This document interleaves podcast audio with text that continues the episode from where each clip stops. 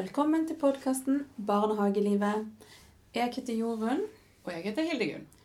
og til sammen så har vi over 40 års erfaring med å jobbe i barnehage. Er det ikke det vi har funnet ut? Jo, jeg tror det var sånn.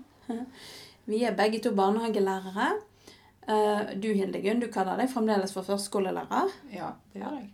Det får vi snakke om en annen gang. Ja. Denne podkasten kommer ikke med fasit på noe som helst måte, men vi ønsker å dele våre erfaringer, tanker og refleksjoner rundt det å jobbe i barnehage.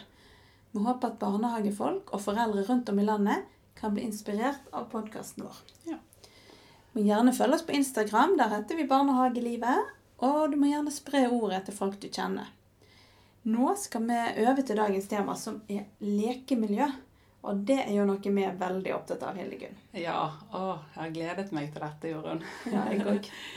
For det har jo vært en prosess for oss eh, som startet med selve leken og dens betydning for barn i barnehagen. Og så har vi allerede snakket om eh, leken i to episoder nå. Og i denne fasen hvor vi jobbet med leken, så var vi så heldige å få lov å lære masse av hvor viktig lekemiljøet er for barn. Og vi var heldige å få jobbe i et prosjekt med lekeguruen vår, Trude Anette Brendeland.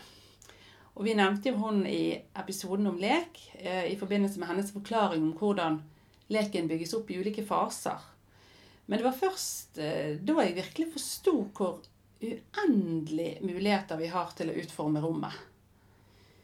Ja, vi fikk jo egentlig aldri eh, presentert hun Trude Anette Brendeland skikkelig i den episoden om lek. Nei, vi gjorde nok ikke det. Eh, Hun er nok ganske kjent i barnehagemiljøet. Men for de som ikke kjenner henne, så er hun en dame som brenner for bl.a. lek og lekemiljø.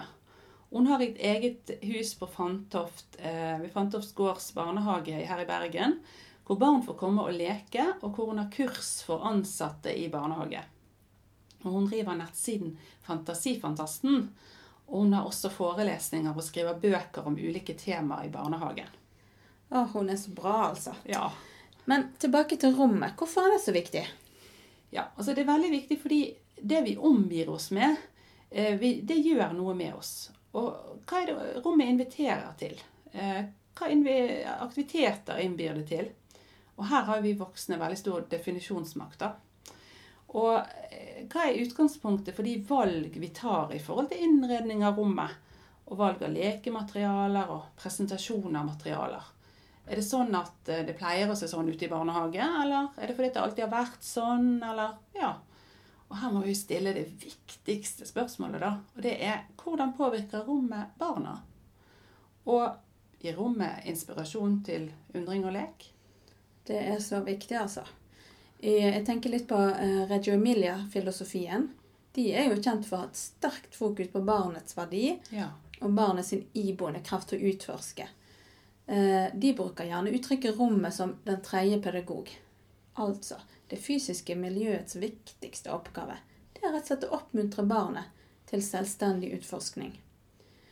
Som dere forstår, så er rommet og utforming og innhold i rommet enormt viktig for barnets læring, annet.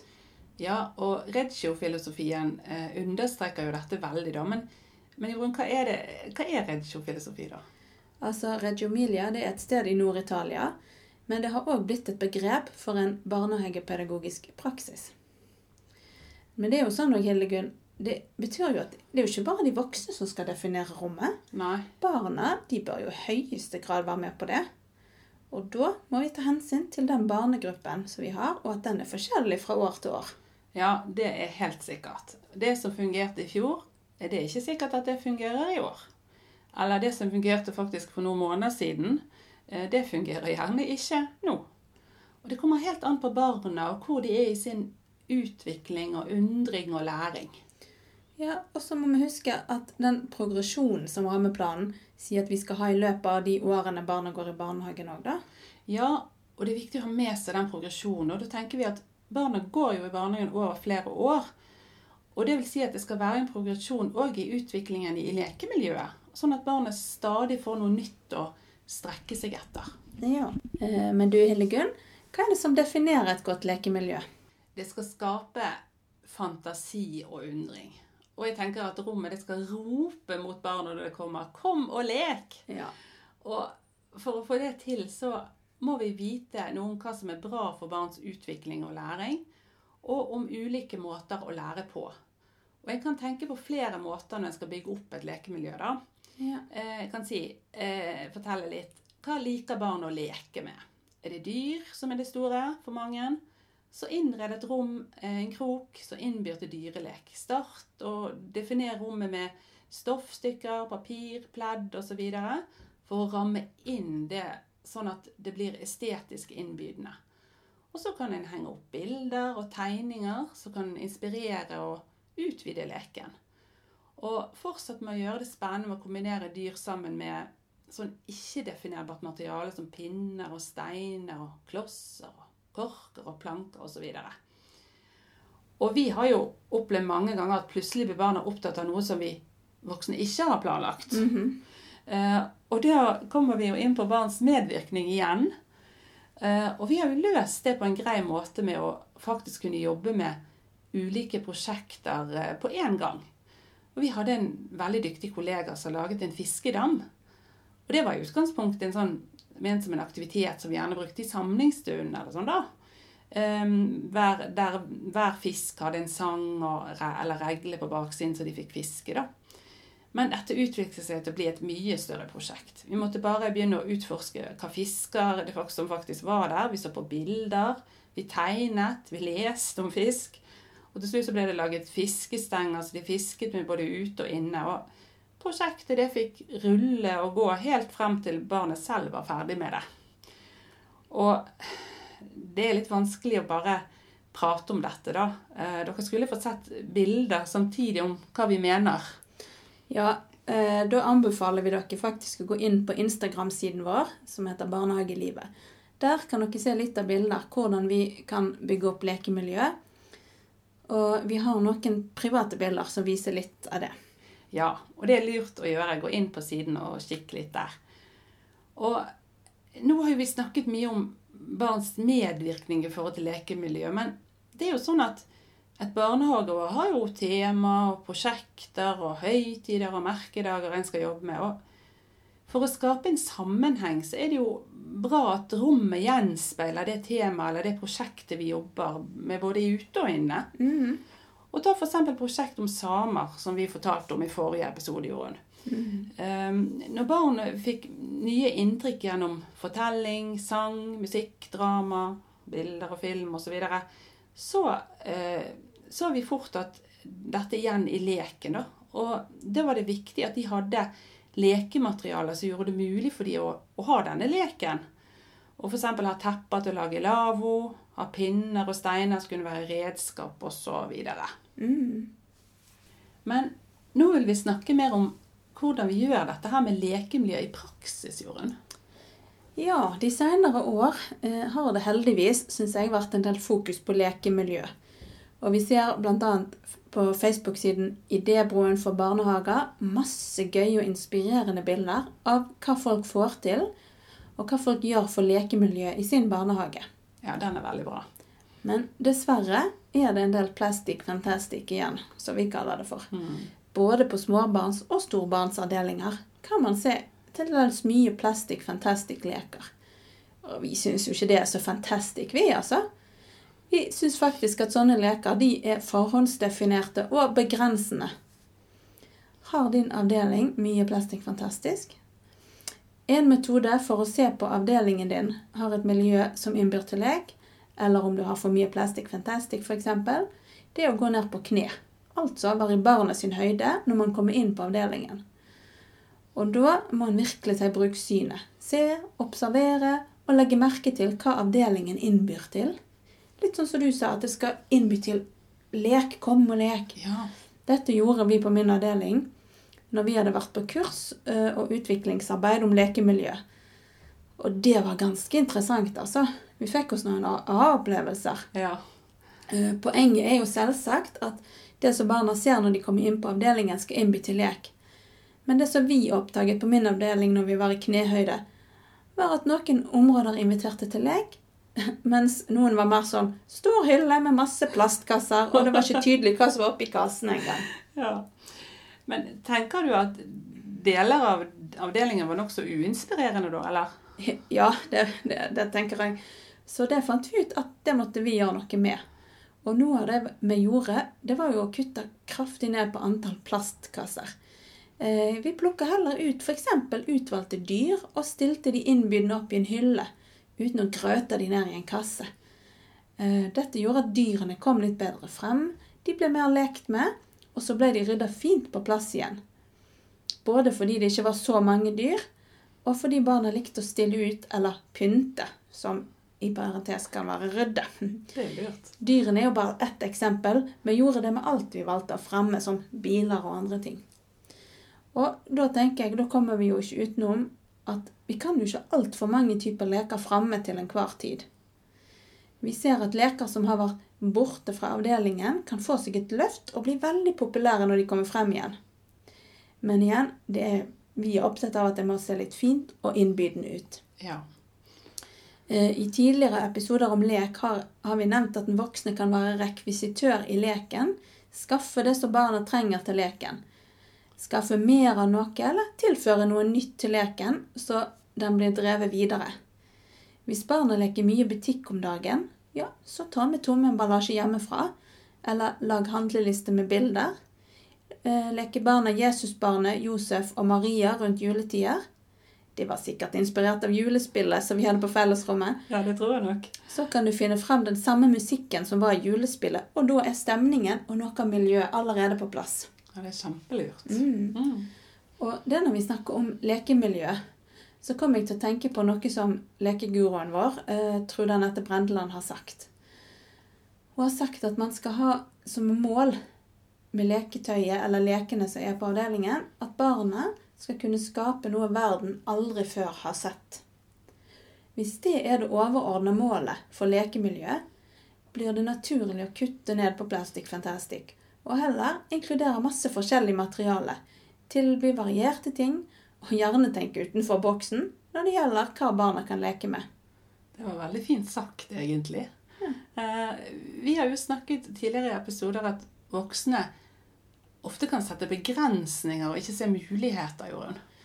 Ja, Men der er jo barn helt geniale. Ja. Eh, vi har gjerne tatt med noe hjemmefra, som f.eks. tomme Pringles-bokser uten pynt eller stæsj på. Og det har blitt populære leker hos ungene. Det ble både muskler, pingvinføtter, bilparkering, oppbevaring. Mye mer. Jeg, jeg, tror ikke noen av oss voksne hadde sett for oss det. Og de som vi bor med i eh, hjemmene våre, de tør jo etter hvert ikke å kaste noe. Samler vi på de ikke nå? spør de. Jeg har dessverre smittet datteren min med det. Eh, som nå hun tillater ikke at jeg kaster noen ting, f.eks. tomme dorullhylser og knapper og sånn. Det skal hun bruke til å lage kunst og håndverk. Ja, Du kan jo få bruk for det en vakker dag, Jorunn. Jeg vet jo ikke. Ja. Men eh, vi har jo flere gode eksempler på hva vi har, eh, hva vi har, har, god erfaring med for å skape et spennende og dynamisk lekemiljø for barn. Eh, ikke sant, Jorunn? Ja. Eh, grønne kasser, eh, sånne som gjerne får melk og matvarer i, de er veldig allsidige og populære å leke med hos barna. Og med de så kan de lett lages noe som verden aldri før har sett. De er fine både på små og store barnsavdelinger. Tepper og puter er jo sikkert noe mange kjenner igjen. Og det kan jo vi bruke til så mangt, som dere sikkert vet. Og vi har god erfaring med det som er såkalt verdiløst materiale. Det kan være steiner, skjell, smoothiekorker, skinkeostbrett, både ute og inne, tomme syltetøy, glass, Husker du når ungene lagde bilspill av de syltetøyglassene? Ja. Bilene de skubbet i full fart bortover en planke eller et bord, og så var det om å gjøre at bilen skulle treffe opp i et av syltetøyglassene. Altså, jeg hadde jo tenkt på at det var det de skulle brukes til. Nei. Eh, vi har jo god erfaring med å ta muffinsformer ut. Da blir det gjerne bakeri ute. Mm. Eller eh, de brettene som skinkeosttubene kommer i, med vann og konditorfarge. Det blir ganske populært. Pringelsbokser har vi jo nevnt. Runde treplater som var saget opp fra et tre, som faktisk hadde falt ned i en storm. Ja. De har vært i bokrommet med bilder av skikkelser fra bøker, eller malt med fine farger. De har vært brukt som fat til å bygge med og lage flotte utstillinger på avdelingen. Ja, og de, de treplatene gjorde de har datteren min hatt lyst til å ta med seg hjem noen ganger, for de var så utrolig fine. Det var hyggelig, da. Jeg husker at noen av barna på avdelingen var veldig opptatt av TV-spill. Og jeg er så heldig å være tante til noen barn som hadde fått eh, en ny spillkonsoll til PlayStation sin når det var jul. Og jeg så at den pappen som den eh, spillkonsollen hadde lagt i, det lignet jo på en ekte spillkonsoll. Så Ah. jeg bare malte den litt, jeg, så så den jo enda mer ekte ut. Og så tok jeg det med på avdelingen, og det ble så populært. Og husker du at ungene brukte den på en sånn gøy måte? Ja, altså det var en ganske kreativ måte de brukte den på da. De var, de var sammen to og to, og den ene hadde spilt konsollen, og så styrte dermed den andre, eh, den andre barnet i spillet. Og dette kom barna på helt selv, for vi hadde jo ikke tenkt at det var sånn de skulle bruke de. Nei, overhodet ikke. Og ellers er det jo alskens ting som vi ikke bruker mer. Panner og gryter, kopper og kar, gamle vaser, kunstige blomster, tastatur, kasseapparat, regnemaskiner, telefoner, fjernkontroller. Vi har fått ting av svigermor, hentet gratis på Finn, ja, og ryddet hjemmene våre og tatt med. Ja. Og så må jo vi slå et slag for lamineringsmaskinen. Yes! Den er heldigvis kommet for å bli. Og jeg syns den er gull verdt. For eksempel hvis barna har tegnet noe som de er veldig opptatt av, f.eks. dinosaurer, biler, prinsesser eller hva som helst, så kan de få klippe det ut, og så kan det lamineres. Og det kan barna bli veldig glad i. Å leke med disse figurene. De kan ta dem med seg hjem òg. Og en stund så husker jeg lamineringsmaskinen. Den gikk varm. Og den jobbet ikke fort nok for å laminere alt det som barna laget, tegnet og ville leke med. Og så kan man jo bruke den til å stille ut kunst som Ja. ute, som barna har tegnet eller malt. Eh, eller for å flytte ut temaer som vi har fokus på, eller som barn er veldig opptatt av. Eksempel, hvis barn er veldig opptatt av insekter, så kan man printe ut bilder av de, laminere og henge rundt på uteplassen. Eh, Det er jo moro for både store og små barn. Og det kan være fint til å starte en samtale. Husker du sneglometeret? Ja, det husker jeg godt. Det var jo ganske gøy. Det var rett og slett litt store snegler som vi hadde printet ut øh, og laminert. Og så tok vi de på en rekke oppover og hang på veggen ute og inne. Og så kunne man måle hvor mange snegler høy man var. da. Hvor mange snegler høy var du da, Jorunn? Var jeg sånn 13-14, ikke sant? Jeg lurer på om jeg var 15 eller 16. Jeg Ja. husker ikke helt. Det var litt gøy. Ja, det var det. Og når en føler at når barnet har lekt seg ferdig med et rom eh, eller en krok, så skal en rydde det sammen, og så bruke det til noe nytt. Men en har jo gjerne ikke tid sånn med en gang til å lage noe nytt med det samme. Men da, da gjør det ikke noe om rommet står litt tomt. Nei. Eh, For mens en venter på å bygge opp noe nytt. Og vi har jo erfart at når vi er i gang med å bygge opp noe nytt, så har vi rett og slett stengt rommet eller kroken i en liten stund. Og det gir oss voksne ro til å jobbe med rommet og bygge opp, bygger opp den spenningen og forventningen om hva det dette rommet skal bli noe til. Det er sant. Og jeg tenkte litt på det når vi skal liksom introdusere dette nye rommet eller kroken, så har vi òg erfart at det rett og slett vi trenger å ha regler eller forventninger til hvordan dette rommet skal brukes. Da må vi voksne prate med barna om det, og vi voksne på avdelingen må være enige, og alle må følge det opp. Ja, det har vært veldig viktig for å få rommene til å fungere sånn som vi har tenkt. Og vi har gjerne også hatt sånn høytidelig åpning av rommet eller kroken, vi da. Og sånn at det blir en litt sånn liten happening av det hele. Og det er no, dette er noe spennende og stort som skal skje, og vi tar lekemiljøet på rammealvor. Det gjør vi. Eh, nå har vi snakket ganske mye om hvorfor et godt lekemiljø er så viktig, og hva det gjør for barnets læring, blant annet. Men alt dette skal jo gjøres, og hvem er det som har ansvar for lekemiljøet? Ja, det tenker jo jeg at alle har. Ja, men får stadig vekk høre om folk som ikke føler seg så kreative, eller som ikke er så gode å lage ulike ting, eller de føler kanskje ikke de har god nok fantasi. Ja, sånn som jeg har følt det mange ganger, Jørund. Mm. Ja. Mm. Jo, altså jeg kan jo si litt om prosessen jeg har vært i, da. Ehm, jeg var en som gruet meg til formingstimene på lærerskolen, det skal jeg si. Mm. Og jeg tenkte at det å skape, det er ikke min greie.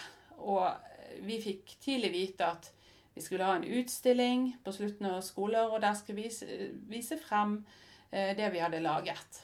Og da så jo jeg for meg den leireklumpen som lå på bordet sammen med den tegningen med kullstift som så, så ut som en fireåring som hadde laget. da. Men eh, jeg fikk en veldig flott lærer da, som hjalp meg gjennom året, og jeg lærte veldig mye. Og selv om opplevelsene på lærerskolen ble bra, så følte jeg meg likevel ikke sånn kjempekreativ når jeg skulle ut i jobb i barnehagen. Men jeg har latt meg inspirere da, og begynt i det små. Altså, jeg har tenkt på at en kan jo nesten miste litt motet av å se på alt det fine som Truda Nette Brendeland på Fantasifantasten lager. Ja. Men jeg må jo tenke på at hun er jo utdannet innenfor kunst og kultur, og jobber med dette her på heltid. Ja, det er veldig viktig å ha med seg, tror jeg. At hun er rett og slett en kunstner. Men um, en kan rett og slett eh, prøve seg litt frem sånn som jeg gjorde. Jeg gjorde det, prøvde meg litt frem på jobb og hjemme med å kopiere litt det jeg hadde sett og bruke enkle virkemidler. da. Og så har jeg lært, og jeg har latt meg inspirere, bl.a. av deg, Jorunn. Jo, takk for det. og selv om jeg stadig vekk får høre at jeg er så kreativ, så kjente jeg på at etter vi hadde vært på besøk i barnehagen hos Trude Anette Brendeland, at det sikkert var dyrt og komplisert og kanskje tidkrevende å bygge opp et så flott lekebibliotek som hun hadde så sa Brendeland at det er sånn man bygger opp over tid, og at det trenger ikke å koste så mye. Jeg var nå fremdeles ganske skeptisk jeg, til om vi skulle klare det, men jeg drømte jo, jeg håpte jo at vi skulle få det til. Og hvis vi skal tenke litt tilbake, så er jo dette noe vi faktisk oppnådde, ikke sant Hildegunn? Jo, vi klarte det jo. På sikt så bygde vi opp kasser med ulike tema, som at vi hadde en kasse med frisørting, en med legeting, bakeriutstyr, sansekasser osv. Og, det syns jeg vi kan være ganske stolte av. Ja, enig. Dette var noe vi kunne ta frem når vi trengte det, eller når barna etterspurte det. F.eks. frisørkassen var jo ganske populær. Ja, det kan du trygt si. Men det er en annen konto på Instagram som heter Fantasifantastisk for barn. Og der er det masse gode eksempler på hva man kan gjøre med ganske få midler. Den anbefaler vi på det varmeste. Men det går jo an å overraske litt i det små i forhold til det med lekemiljø. Eksempel så kan en sette opp en liten sånn overraskelsesmoment på slutten av seinvakten, eller før barna kommer på tidligvakten. Ja, det er så gøy, altså. Og det er ikke alltid så mye som skal til. Jeg husker en gang eh, så laget jeg et eh, Før barna kom da på tidligvakten, så laget jeg hengte egentlig bare opp et teppe da, mellom grovgarderoben og fingarderoben. Så slukket jeg all lyset i fingarderoben. Så hadde jeg satt opp et bord. Og så hadde jeg noen sånne litt fine smålys på det bordet og et stort pappark. Eh, og når barna og foreldrene kom inn gjennom teppet den dagen, så så de jo at ting var annerledes. Det var jo helt mørkt, og jeg satt bakom bordet. Så sa jeg 'Så du dragen der ute?' Oh. Og alle barna hadde jo sett dragen den dagen. Til og med noen av foreldrene ville bli med på leken. Og det ble jo så gøy. Det satte jo i gang lek med en gang. For idet ungene hadde fått av seg klærne, så ble jo de da innlemmet som riddere. På, den, på det arket mitt skrev jeg det inn som riddere. Og de ungene de gikk bare rett inn på avdelingen og begynte å trene og øve på hvordan de skulle slåss med dragen. Så det ble jo mye lek av utover dagen, og i utetiden var det mange som så eh, tegn til dragen. Ja, Det tviler jeg ikke på. Og, for det er ikke så vanskelig for barn med, da. Nei, det er jo ikke egentlig og med så enkle midler så klarte du å få til en fantastisk lek, da. Mm, Og åh, Jorunn, jeg kjente at det var skikkelig gøy å snakke om lekemiljø igjen.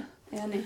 Og følg med i neste episode, eh, som handler om barnebøker. Den gleder vi oss òg skikkelig til. Takk for oss. Eh, håper du har likt podkasten vår legg gjerne igjen en vurdering, eh, sånn at vi kan få flere lyttere. Og fortell om oss til alle du kjenner. Og følg oss på Instagram. Der heter vi Barnehagelivet.